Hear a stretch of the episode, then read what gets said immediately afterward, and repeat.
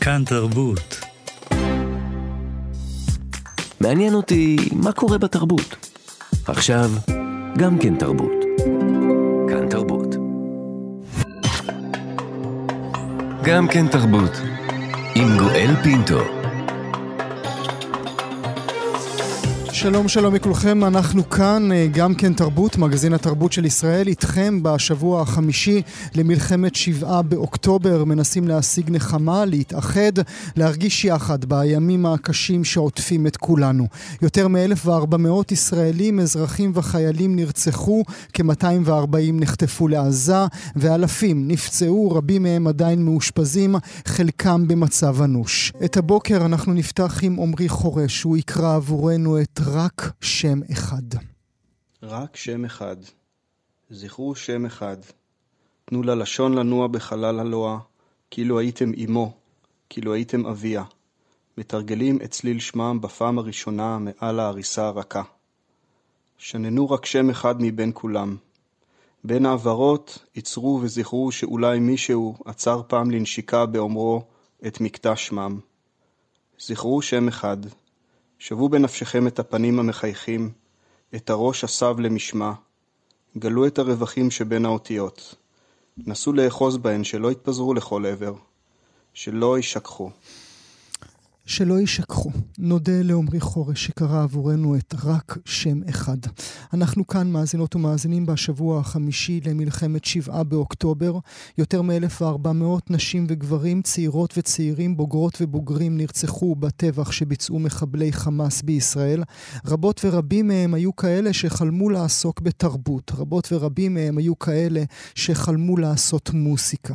עכשיו פרויקט מוסיקלי מרגש רוקם עור וגידים. כאשר קבוצת מוסיקאיות ומוסיקאים טרה אחר מוסיקאים שנרצחו בטבח, מתוך מטרה להוציא לאור, לגלות לעולם את הצלילים והמילים שהם יצרו.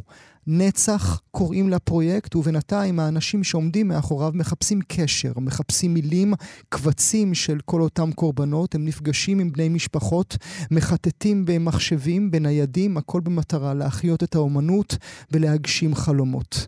שניים איתנו, נברך לשלום את לי אוסי, די-ג'יית, מפיקה מוסיקלית, מרצה ברימון וממובילות פרויקט נצח, שלום לך.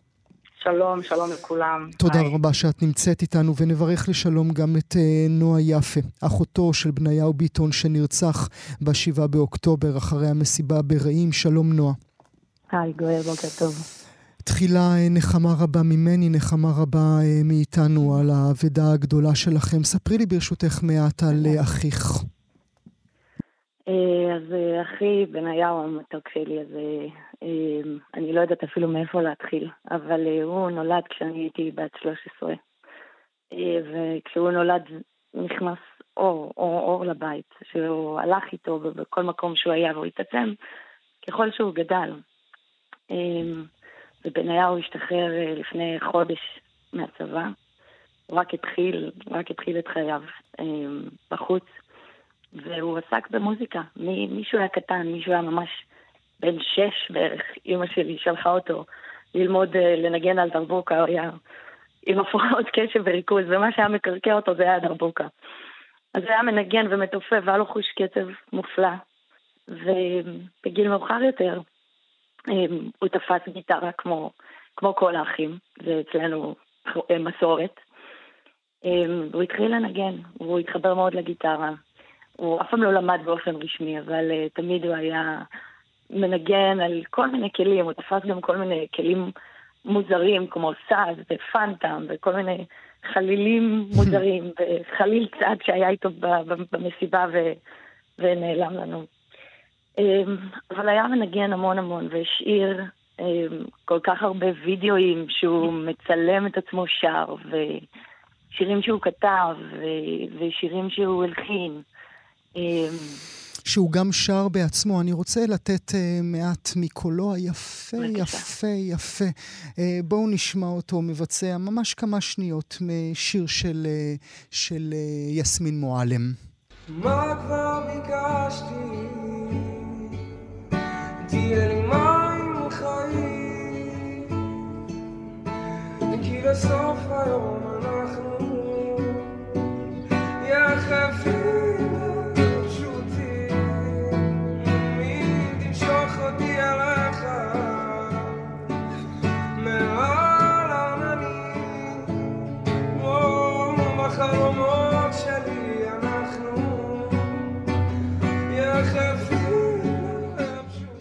איזה קול יפה, איזה קול. יפה, איזה קול. יפה. וואו. הוא רצה ללכת, הוא רצה ללמוד מוסיקה? זה, זה היה הצעד הבא שלו? זה היה הצעד הבא שלו, הוא רצה ללמוד, הוא כבר התחיל אה, לפני חוד, חודש לפני שזה קרה, הוא ישב אצלי במרפסת והלך ברחבי תל אביב לכל מיני בתי ספר למוזיקה ונרשם והתחיל לברר. אה, וזה זה מה שהוא עשה, אבל הוא היה כל הזמן מנגן, Mm. כאילו אי אפשר היה לתפוס את בניהו שהוא לא עם, ה, עם הפוזה הזאת של הגיטרה ביד אחת וסיגריה בפה ובירה בדרך כלל ביד השנייה. Mm. אבל הוא תמיד היה עם גיטרה, הוא תמיד היה שר, הוא תמיד, השכנים תמיד היו אומרים, היינו שרים הרבה ביחד, היינו עושים ג'מים, תמיד, תמיד. ואנחנו, האחיות, עם קול כזה שקט ודק כזה, והוא היה נותן את כל הגרון עם קול עמוק וחזק, והשכנים תמיד היו אומרים ששומעים אותו. הם לא היו יודעים שאנחנו Mm. בכלל גם Mm. מנגנים, תמיד היו שומעים אותו. את יכולה, את רוצה לספר לנו מה קרה איתו בשבעה באוקטובר? כן, אז uh, בשבעה באוקטובר, uh, בשבע, בשבע, בערך בשבע בבוקר, uh, הוא שלח הודעה לאחותי. Uh, תגידי לאמא שאנחנו בסדר. Uh, כי הוא היה בעצם במסיבה, נכון? הוא היה במסיבה. הוא היה במ- במסיבה עם חברים, ו, וכנראה, ממה שהצלחנו לשחזר אחר כך, התחילו השיגורים והטילים, ו, ואז הוא, הוא עלה לאוטו אה, עם חברים, והם בעצם ברחו מהמסיבה אה, כדי ללכת ל- ל- להסתתר בבונקר, והם הגיעו אה, לקיבוץ בארי, אה, ושם אה, נרצחו. זאת אומרת, הוא לא נרצח במסיבה, הוא נרצח בבארי, כי לשם הם, כי לשם כן. הם הצליחו לברוח. כן, כן. לשם הצליחו לברוח, ודי די בת- בתחילת האירוע כנראה הם, אה, הם כבר לא היו איתנו. את מצליחה לנשום? לפעמים, לפעמים. אה, האמת שבזכות, אה, באחד המפגשים בהתחלה עם פרויקט נצח, אז יצאתי משם אחרי המפגש הראשון ואמ- ואמ- ואמרתי להם אה, שזו הפעם הראשונה שאני מרגישה שאני נושמת אחרי כל השבועות המטורפים האלו. כי מה, כי את בדרך להגשים את החלום של אח שלך? אמ, אני חושבת, כן, אני חושבת שכן. גם, גם, גם זה וגם החיבור הכי גדול שלי איתו היה, אמנם יש בינינו פער מאוד גדול בשנים, אבל הוא היה חבר מאוד מאוד טוב שלי. והחיבור שלנו דרך המוזיקה, זה מה שהיינו עושים כל כך הרבה ביחד, ועכשיו זה כל כך חסר לי, כי אין לי מי לעשות את זה, וזה לא כמו עם אף אחד אחר לנגן איתו.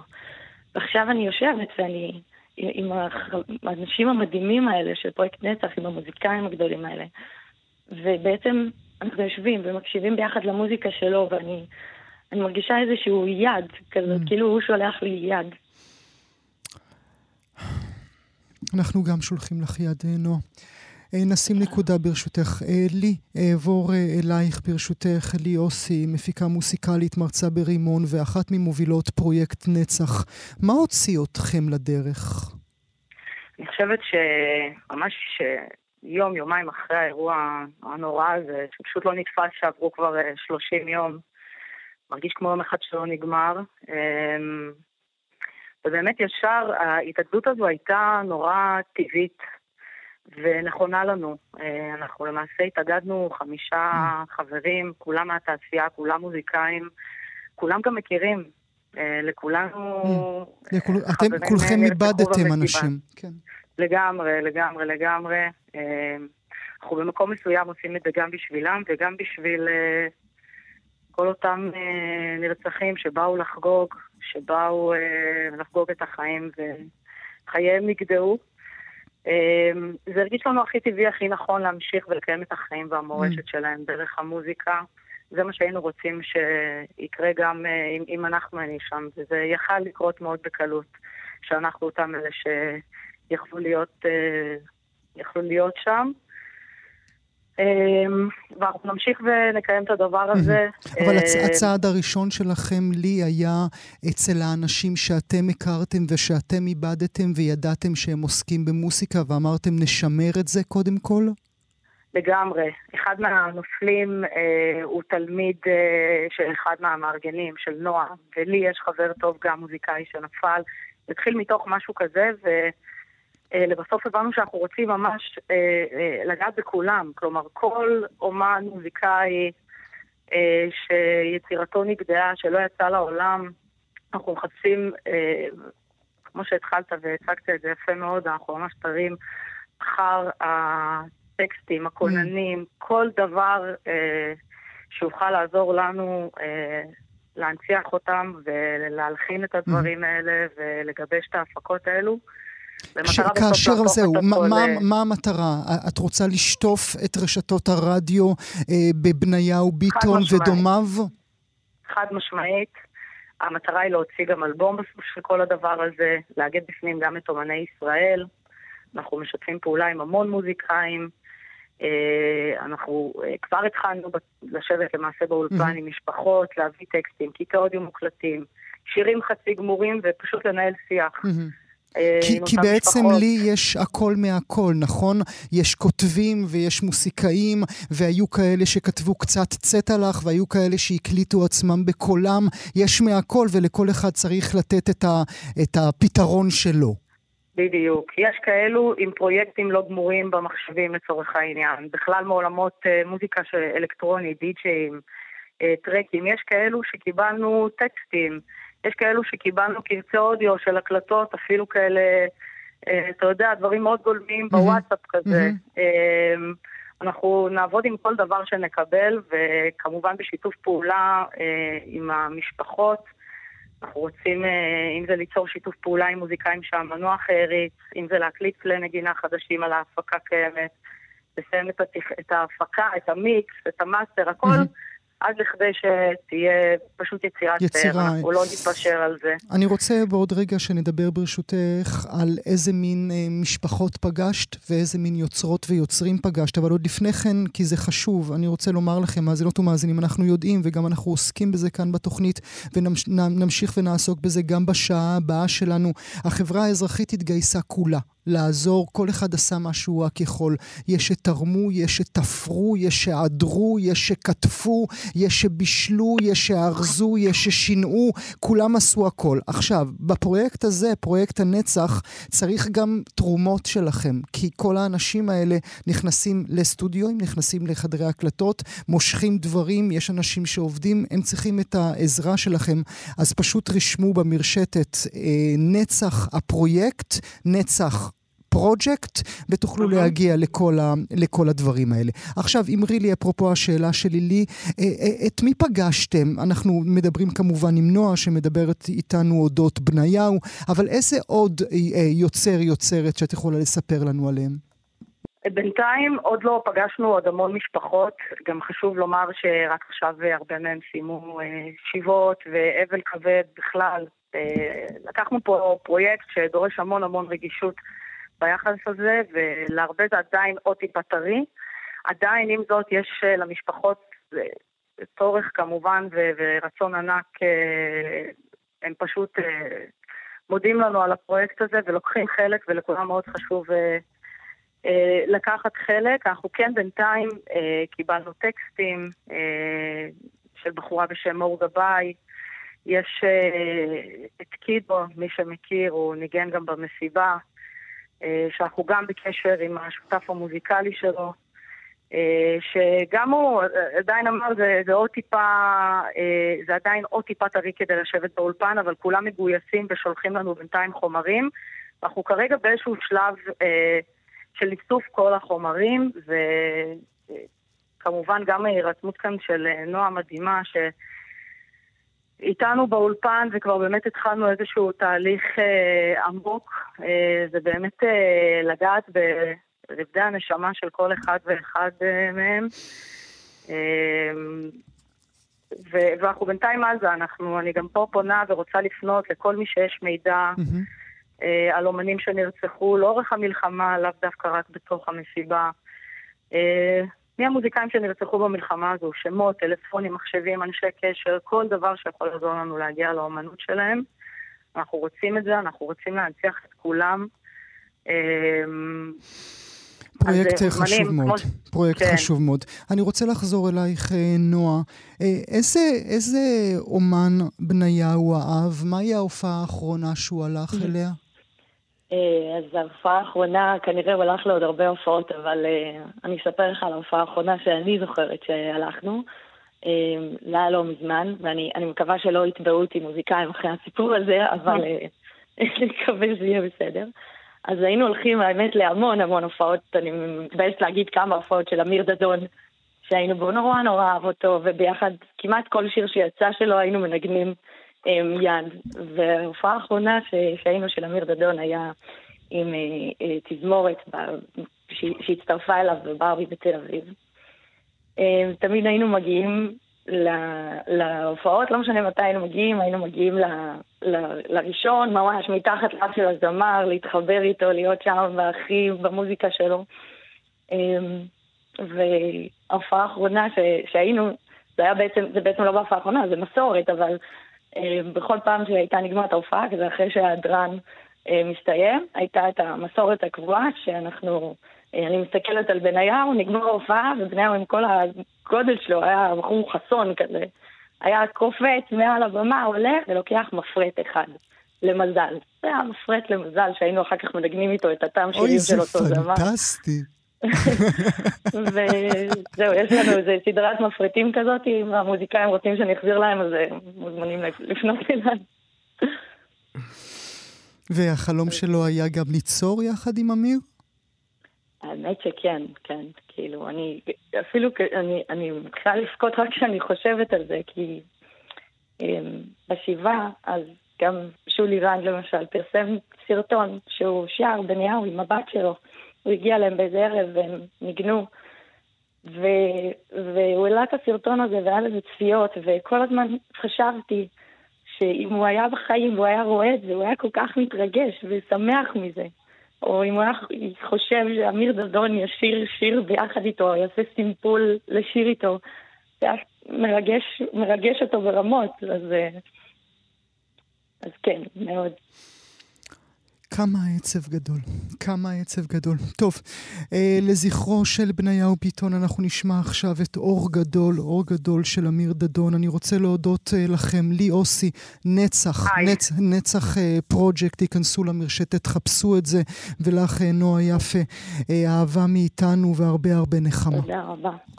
תודה. אנחנו כאן בשבוע החמישי למלחמת שבעה באוקטובר, בית לאומנות ישראלית שבמכללה האקדמית תל אביב-יפו עושה מעשה אומנותי חשוב, כאשר הוא מעלה באתר האינטרנט שלו פרויקט מלחמה מיוחד בעריכת צאלה קוטלר הדרי, שבו אומנים וכותבים כותבים את המצב, ככה גם קוראים לפרויקט כולו. ככה למשל יקטרינה סוסנסקי ממוזיאון ישראל כותבת על עבודת הוידאו של האומנית תמר ניסים שהוצגה בגלריה בארי. האומן והמרצה יונתן הירשפלד יוצא בעקבות דרידה שאמר להתאבל משמעו לפנות אל המת וגם אסופה יפה יפה של שירים ודימויים.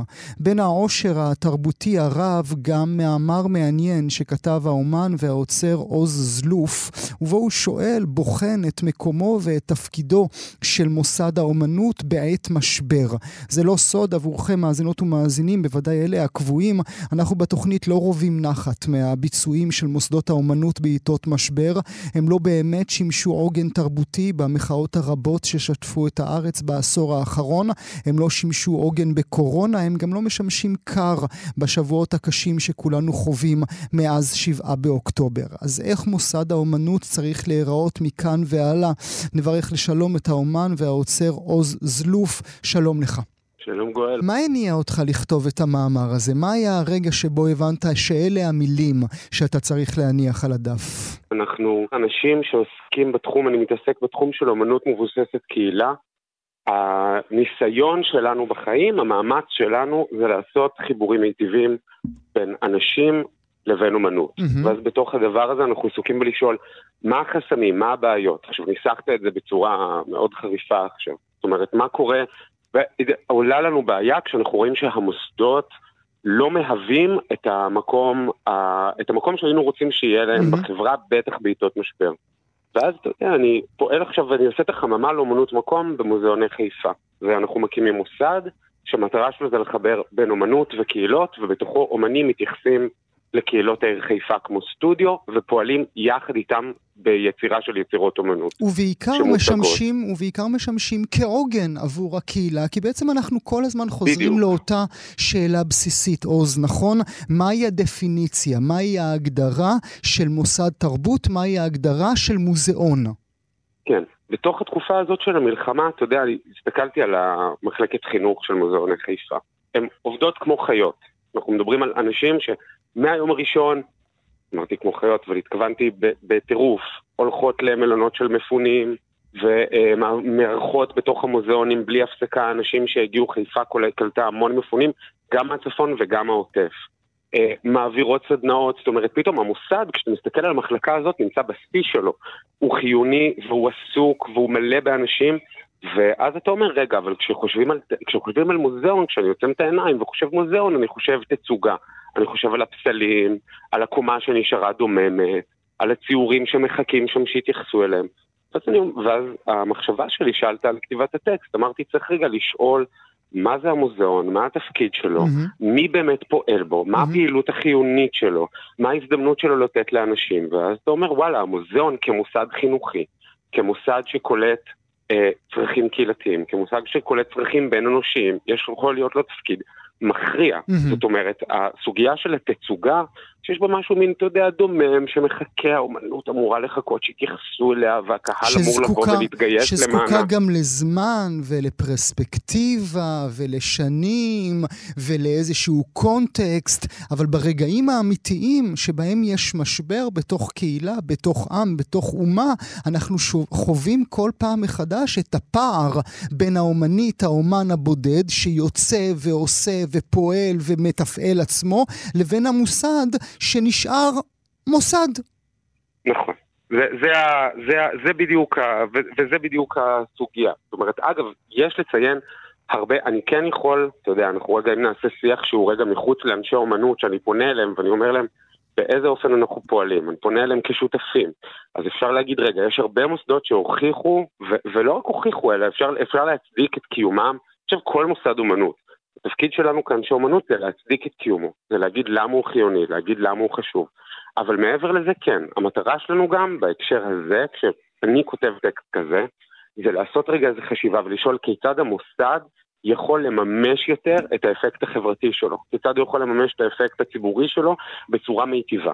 ו- ומתוך הנחת מוצא שצריך מוסדות אומנות, וצריך את אותה אומנות שיש לה זמן, ושמחכה, שהיא לא תועלתנית. זה מה שאנחנו זקוקים לו כבני אדם. ברמה מאוד מאוד בסיסית אנחנו זקוקים לרוח. מהמם. היא לא אמורה רק, רק להיות מגויסת לצידנו, אתה יודע, כמו אה, ציוד בסיסי. מהמם. היא, היא, היא נמצאת בנפשנו, אנחנו מחפשים אחר הדבר הזה. אבל בזמנים כאלה, אנחנו אומרים, המטרה של המוסדות זה לבנות את האומנות בצורה כזאת שהיא תוכל להיות נגישה ותגובתית למצבי צורך. אבל רבות ורבים בוודאי מהמאזינות והמאזינים שלנו כרגע צועקים אל מקלטי הרדיו, או איך שהם מאזינים לזה עכשיו, ואומרים, מוזיאון עוז הוא לא מתנס, מוזיאון הוא דבר אחר לגמרי, זו פלנטה אחרת. א', נכון, אל תכעסו עליי, מוזיאון לא חייב להיות מתנ"ס. ב', אני מודה, לי אישית, יש שאיפה, וזו שאיפה אישית. ואני חושב ש, שבהנחה שרוב מוז... המוזיאונים לא ילכו לכיוון הזה, זה שמוזיאונים יהיו קצת יותר מתנסים. זאת אומרת, יש, אנחנו לא סתם אנשים שהם לא אנשי אומנות פר אקסלנס, וגם מתוך אנשי האומנות, אולי 10% לא יפקדו מוזיאון יותר משלוש פעמים בחודש. זה, זה, זה לא קורה. ההורים שלי לא ילכו למוזיאונים, הם לא צריכים להעביר זמן בחו"ל. אוקיי, זה רגע ב, ב, מהמם. ברמה הבסיסית. מהמם. ובסופו של דבר, יש שאיפה כזאת לראות אנשים חוזרים למוזיאון, שוב ושוב, משתמשים בו, נפגשים בו, עושים בו רעש. אוקיי, במוזיאון אני אמור מהמם. ללכת כן. ולדמום, ולהסתכל ולהתרשם, ומהי התערוכה הבאה. ואם תערוכה עולה פעם בחצי שנה, אז אני, אני אבקר פעמיים בחצי שנה. לא יהיו לי המון סיבות לדבר הזה. ואני חושב שאנשי אנשי המוסדות צריכים לשאול את עצמם, איך אנשים נכנסים לפה, חיים פה וחווים פה חוויה mm-hmm. של גילוי עצמי מחודש, כמו שקורה במוסד תרבות, אבל באופן שהוא תכוף יותר, בשימושיות גבוהה יותר. אבל... אני חושב שגם זה קורה, אני חושב שמחלקות חינוך במוסדות אומנות, אני, ו, וכבר מזמן לא, לא, בוודאי, בוודאי צריך, ישנן. בוודאי צריך, ואני יחד איתך, צר, צריך לשים uh, כוכבית ולומר, המוזיאונים עושים דברים. לטעמי, הם לא עושים מספיק, וצריך עוד יותר, אפרופו השאלה ששאלתי קודם, אמנם מוזיאון הוא לא מתנס, אבל הוא בהחלט יכול להיות, אה, נגיד, מין מודל בית אריאלי שכזה. להפוך את המקום העבש, השקט, מלא הספרים, למקום לחגיגה של. תרבות, לחגיגה של מפגשים. אתה יודע, גם אני חושב על זה ש, שבמידה מסוימת, אם יש משהו חיובי בעקבות משבר הקורונה, שאני חושב שקרה בייחוד בשדה התרבות, זה שהמשבר כבר עשה את העבודה בשבילנו. אני חושב שהקורונה בצורה מאוד ברורה הבהירה לאנשים שתרבות שווה איכות חיים. אנשים שהייתה להם זיקה וקרבה למוסדות תרבות, לשימוש בפעילות אומנותית, הייתה להם איכות חיים גבוהה יותר. האדם עצמו, האנשים בשטח, חוו את זה, כבר בנו את ההיגיון הזה. זה ממש הרמה להנחתה. עכשיו השאלה באמת, האם המוסדות רוצים לקחת את ההזמנה הזאת שיש mm-hmm. במשברים כאלה, שבהם אנשים זקוקים למשהו מעבר, זקוקים לעיקרי מפגש, קוראים לקרי חשיבה, למקומות יצירה בעצמם, אוקיי? זאת אומרת, כשאני אומר אה, אה, מוזיאון, כשאני משווה את המושג של מוזיאון למתנ"ס, אני שואל האם בן אדם רק נכנס ומתרשם בתוכו, מתרשם, חושב ועומד, ב, ועומד אל מול האומנות, או שאם יש לו הזדמנות גם לבוא בתוך האומנות, להתנסות וליצור, לחוות איזו חוויה טרנספורמטיבית mm-hmm. בעצמו ולצאת אחרת. העניין, זה, הוא שאתה רוצה, ה... העניין הוא שאתה רוצה שהמוסד יספר סיפור אחר לגמרי מזה שהוא מספר כבר מאות שנים? אה, קודם כל, יש הרבה... אני, יש הרבה תקדימים, זאת אומרת, אנחנו יודעים להגיד שכבר. השאיפה הזאת, השאיפה שאני מבטא, אני, אני פועל בתוך שדה האומנות, אני לא, לא באתי מבחוץ, כן? זאת אומרת, זו שאיפה שהיא מתקיימת. הרבה פעמים בתוך השדה הדבר הזה נתפס, נקרא, קוראים לזה אנטי-אומנות. Mm-hmm. זאת אומרת, אומנות שמבקשת לעשות פעולת נגד להיגיון האומנותי עצמו. אה, אז אני יכול להגיד, גם בישראל, בכל שנה, יש הרבה דוגמאות כאלה, ובכל רגע יש דוגמאות מדהימות שאפשר להצביע עליהן, של אומנות שממש לוקחת על עצמה בגנום שלה, מהקור שלה, פעילי אומנות, שאומרים, המטרה שלנו היא לייצר חוויה שונה. אפשר mm-hmm. להסתכל על, על... אפשר לקחת את הארוחה שהייתה במוזיאון השנה, תערוכה שרותי דירקטור עצרה, אה, קראו לה גם יונו מוזיאון, תערוכה שכולה mm-hmm. הייתה אירועי פרפורמנס. Mm-hmm. ומחול, אני, אני, עכשיו, אתה יודע, יש תערוכות שעשו מאסטרים שאני מעריץ אותם וחזרתי להם הרבה, אבל באופן מאוד מאוד אגבי זאת תערוכה שאני אישית הייתי בשמונה פעמים. Mm-hmm. כי פשוט שמונה פעמים הלכתי לראות מופעים, להיות במפגשים, ו- בתוך המוזיאון עצמו, אנחנו מדברים על כן. מוזיאון תל אביב לאומנות כמובן, אבל אולי בדיוק. עוד שאלה נוגעת לכל, ה, לכל, אה, לכל סימני השאלה שאנחנו מציפים כאן במהלך השיחה שלנו, האם מוסד האומנות, האם המוזיאונים לא חייבים להגן על עצמם ולהישאר שומרי הסף. הם לא ב- בייעוד שלהם חייבים להיות אלה שמסתכלים מלמעלה ולא משתכשכים בביצה העכשווית, האקטואלית, כן מחאה, כן מלחמה, כן מתים, כן הרוגים. אני חושב שהאומנות, בקור שלה, האומנים, בקור שלהם, בתור אנשים שיוצרים אומנות, כבר יש בהם את המקום הזה שעסוק שנייה בלשאול שאלות של שיקוף, של עיבוד, של רוח, של מרחק. אני חושב שכל הזמן, הרבה פעמים בתוך השדה באמת מעלים את הסוגיה הזאת, אבל האם אנחנו לא נאבד את עצמנו אם פשוט נהפוך להיות מתנסים רוכשים? אני חושב שלא, אני חושב mm. שהאומנות... אתה חושב שזה יכול לחיות יחד, זה מה שאתה אומר. אני חושב שהאומנות היא מפעל רוחני מעצם טבעה, mm-hmm. ושהיא לא תלך לאיבוד ותיגמר ותתבזבז, אם היא יותר, אם אנשי אומנות יותר יעשו חשיבה בכיוון הזה. תראה מה קורה עכשיו בגלריה שכטר אצל שרון גלסברג, היא בנתה מרחב, מרחב תרפויטי לגידול פטריות מאכל, ובתוך התערוכה הזאת עכשיו יש סטיישנים שלוש פעמים ביום, סשנים תרפויטיים שמזמינים את הקהל להיפגש ולעבור חוויות תרפיה. האומנות של שרון גלסברג נמצאת בשיאה בתערוכה הזאת, היא לא מאבדת את עצמה והופכת להיות מתנשיא. אתה מבין? כי מה שהאומנית עושה זה פעולה תרפויטית שהיא לא רק נראית מבחוץ אלא נחווית מבפנים. ומבחינה הזאת זה, זה, זה נראה לי די מוכיח את זה.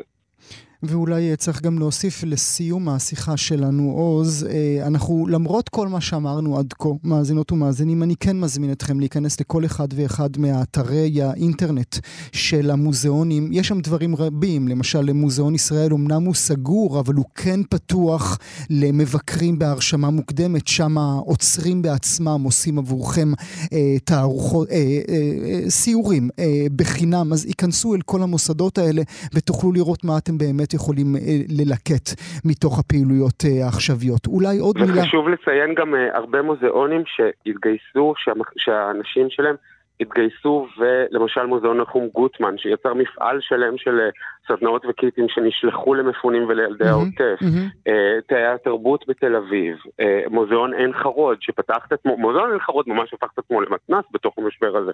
זאת אומרת, הקריאה הזאת לא באה, היא לא תלושה והיא לא באה אל מול משהו, אלא היא באה מתוך איזה קול שכבר קורה ושבעיניי שווה לקדם אותו. וכל הכבוד לכל מי שעסק בזה. נגיד לך תודה על השיחה הזו, ונאמר לכם, מאזינות ומאזינים, ייכנסו אל אתר האינטרנט של בית לאומנות ישראלית במכללה האקדמית תל אביב-יפו. תוכלו לראות את כל הפרויקט, פרויקט כותבים את המצב שעורכת uh, צאלה קוטלר הדרי, ולך האוצר והאומן עוז זלוף, אומר תודה. תודה רבה גואל, יום טוב. אולי מחר תופיע קשת בענן, אולי יופיע לנו נס קטן, אסתר שמיר ודני בסן, אם שלא תדעו עוד צער. אנחנו כאן, מאזינות ומאזינים, בשבוע החמישי למלחמת שבעה באוקטובר. הפתק הראשון שהיא שלחה לאוויר אמר, בלילה בלילה, ראש הממשלה צייץ לי, לא בי האשם, זה הוא והוא וההוא, ונח ליבי מכאבו, ושמחתי שהתפנה לצייץ, כי בטח זה אומר שכל הילדים חזרו. הפתק הזה שטף את הרשתות החברתיות וזכה לאין ספור הדהודים. אחריו הגיעו עוד פתקים, מכתבים קטנים, שמדברים לא רק את הכותבת, אלא גם את הקוראים, כמו למשל, ואז בלילה אני חולמת שאני סופר-וומן.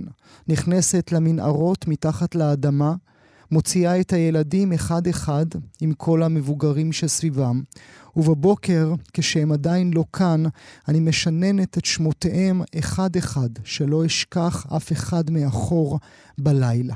נברך לשלום את הכותבת, הזמרת, רק עכשיו שמענו אותה, אסתר שמיר, שלום. שלום. תודה לך שאת איתי הבוקר. תודה לך. לפני הפתקים, בואי נדבר רגע על השיר הזה ששמענו עכשיו. כתבת אותו כבר לפני 20 שנים, נכון? נכון, זה שיר אה, שגם בתקופה ההיא, אה, שהראו הרבה פיגועים, הרגשתי שאי אפשר, אה, מה אומרים במצבים כל כך קשים? לא העליתי על דעתי כמובן שאחרי 20 שנה נדע מצבים עוד יותר קשים שלא ברא השטן. וביום שבשמיני באוקטובר ישר אמרתי, חייבת לעשות משהו, לעזור. נזכרתי בשיר הזה ואמרתי, לא יכולתי להגיד את זה יותר טוב, ולא רציתי uh, לשיר אותו לבד, וביקשתי מדני בסן שישיר איתי. ועמיתי פריאנטי התגייס להפקה מחודשת, ועוד כמה אנשים טובים, ענב הבודק וטולי זמיר, ומיד הוצאנו אותו כדי לנחם, לנחם, לנחם, אפילו שאי אפשר, באמת אי אפשר. ומי מנחם אותך, אסתר? אה, אני חזקה מהרוח. זוכר את השיר שלי? כן. ככה, יש לי הרבה יכולת לפרספקטיבה, להסתכל על זה קצת אה, מלמעלה, אבל אה, אני לא מנוחמת, אני פשוט מחכה לרגע שבו יהיה קצה קצה חוט שנוכל לשקם משהו. ובעיקר קצת עשייה. Mm. אתה יודע, במסגרת הזאת גם כתבתי את התפילה הזאת לחטופים. גם, אה, גם מזה נשמע בעוד רגע איזשהו זנב, אבל להשתגע, נכון, הסטאר? זה פשוט לשבת ולהשתגע. זה מילים קטנות, אתה יודע, זה סוג של... זה, אתה יודע, כשכתבתי בזמנו את המקום הכי נמוך בתל אביב, אז כל פעם אמרתי, אתה יודע, יש יותר נמוך. יודעת, יש יותר נמוך, והייתי במקומות הרבה יותר נמוכים, ויום אחד חשבתי שאני די נמוך. ועכשיו זה פרץ איזה עולם שלם של שאול שאתה לא יכול אפילו אין לך מילים, זה כאילו השטן הכניס אותנו לתוך העולם שלו להתעלל בנו. אבל אני אומרת, אתה יודע, אני הרי מציירת כבר שלוש שנים, ואני אומרת, הרבה פעמים אני רוצה להעיר איזה נקודה בציור, ולא מצליחה, ואז אני מבינה שצריך לעשות יותר כהה, יותר שחור מסביב, ואז האור יוצא החוצה. אני מנסה איכשהו להבין את המטאפורה הזאת גם לחיים. אני לא רואה עדיין את האור, אבל אולי באחווה שלנו, אולי ב... לא יודעת, אולי בבנייה מחדש. אולי ש, בפרופורציות. ש, שאת מאמינה שהיא תבוא, הבנייה המחודשת? אני רוצה להאמין, אני לא, כרגע לא מאמינה בכלום, זה סוג של הישרדות כזאת. כמו כולנו, נושמים שטוח. את יודעת לומר אה, מדוע הפתקים שלך אה, זוכים אה, להדהודים רבים כל כך? תראה, כשאני כותבת אותם אני בוכה. ויש לי עוד פתקים, ואם אני לא בוכה וזה לא עושה לי משהו, אני לא שולחת אותם. אז אני מאמינה שאני מצליחה לדבר את כולם, וזה גם מגיע בסוג של אינטנסיביות כזאת של השראה, שאין לי, אני לא יכולה להתווכח, זה מגיע ואני שולחת, מגיע ואני שולחת, אז אולי זה פשוט מין אה, אה, משהו שבאמת מדבר לכולם. Mm. אבל צריך אה, להגיד, אה, הסטאר המצליח מכולם, או זה שזכה לתעודה רחבה יותר, זה באמת הפתק הראשון ששלחת להעביר, אותו ציטטתי, אודות אה, ראש הממשלה שצייץ, זה לא הוא, זה הוא והוא וההוא, וזה שימח אותך, כי חשבת שזה אומר שהילדים חזרו. זה, זה, זה, כמובן. זה, זה, זה דיבר, זה דיבר את הרגע, נכון? שמע, אנחנו מתוסכלים. וכאב וכעס ותסכול, ובאמת היינו, אין לנו אבא. אחד הפתקים שכתבתי ברביעי לנובמבר ליצחק רבין, זיכרונו לברכה, זה מכתב לאבא. תראה מה קורה פה, אין לנו אבא, פשוט אין לנו אבא, אנחנו יתומים. אז uh, מה שאני מתלחמת זה שאנחנו כולנו, חלק גדול, אחים, אחים uh, ועושים לבד, בלי האבא. ויש פה חברה של אנשים מדהימים, ומי שלא מדהים ולא רוצה לקחת חלק, לא יוכל להיות איתנו. שגם זה פתק נוסף שאת, אה, שכתבת, אה, שעליו נתת אה, איזה סוג של אזהרה אפילו, או אני מחפש את זה כאן מולי, אזהרת קריאה כתבת בראשו, שבו התמונה בדימויים ומטאפורות כמובן, זה, זה ששלח אותה לטבוע במים סוערים, זה שהסיר ממנה את כל השומרים, אצטרה, אצטרה, את אומרת בסיכומו של דבר בשורה התחתונה, אתם לא יכולים להיות בס... הסירה שלי. ואני תוהה איך אפשר לדבר על הביחדנס הזה, ואפילו לנשום נשימה בזכות הביחד שקרה כאן 30 יום, ועדיין לא הוציא אנשים מן הגדר.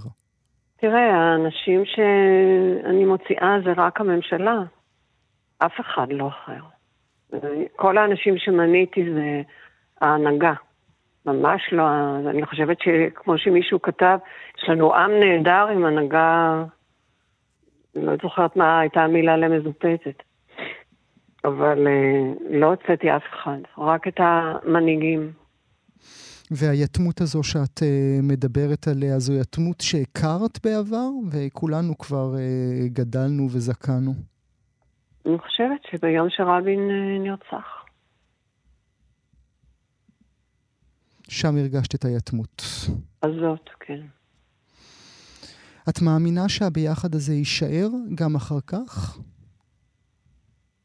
האמת, כבר אני רואה את מכונת הרעל, אני רואה כל מיני שנכנסים לפייסבוק ואני מוחקת אותם, אז זה לא יאומן מה אנשים כותבים, ואני כל הזמן אומרת, זה רק בוטים, זה רק בוטים, זה לא יכול להיות אנשים אמיתיים. אנשים אמיתיים לא יכולים לכתוב דברים כאלה. אני חושבת ש... אנחנו נתגייס, וכל האנשים שבעד אה, מדינה ליברלית וקיבוץ אחד גדול, יתאחדו ביחד. חייבת להאמין. איך אני אקום בבוקר? במשך אה, שנים, שנים שנים עסקת, אה, אסתר, בטיפול, בטיפול באמצעות הקול, וכשאת מתבוננת בכל, אה, בכל כמובן המשפחות ש, ש, שהמוות נגע בהם, וגם המשפחות הרבות שהפכו עקורים וחסרי בית, את חושבת ש, שהם יוכלו להירפא, שאנחנו כאומה נוכל להירפא? אני מאמינה שאם המילה רפואה היא גדולה, אני חושבת שנלמד לחיות עם זה. זה ייקח לנו המון שנים. אנשים שחוו אה, אובדן, זה, זה ייקח המון זמן, אבל זה כמו לשים את התיק מתחת לבית השחי או על הלב ולהמשיך ללכת. אין ברירה, אתה יודע, אנחנו, מי שממשיך לחיות, הוא ייאלץ למצוא דרך בזחילה, ולא יודעת באיזה דרך, להרים את הראש. מה זה חזרה הביתה הזה שאנחנו שומעים עכשיו? זו תפילה שכתבתי על המנגינה של חזר, הליכה לקיסריה. זה אחד השירים הכי יפים, אחת התפילות הכי יפות שיש במוזיקה הישראלית. וכשהופעתי אה, בקבלת שבת לחטופים, ראיתי שאני רוצה לשיר איתם משהו, איזושהי תפילה. והלכתי וכתבתי את זה, ושאלתי את המנגינה הזאת. הקלטתי את זה עכשיו. אלי אלי, ישובו בנים לגבולם. אסתר אה, שמיר. כולם, כולם, כולם, כולם. אני מודה לך על השיחה הזו הבוקר, תודה שהיית איתי. תודה רבה לך.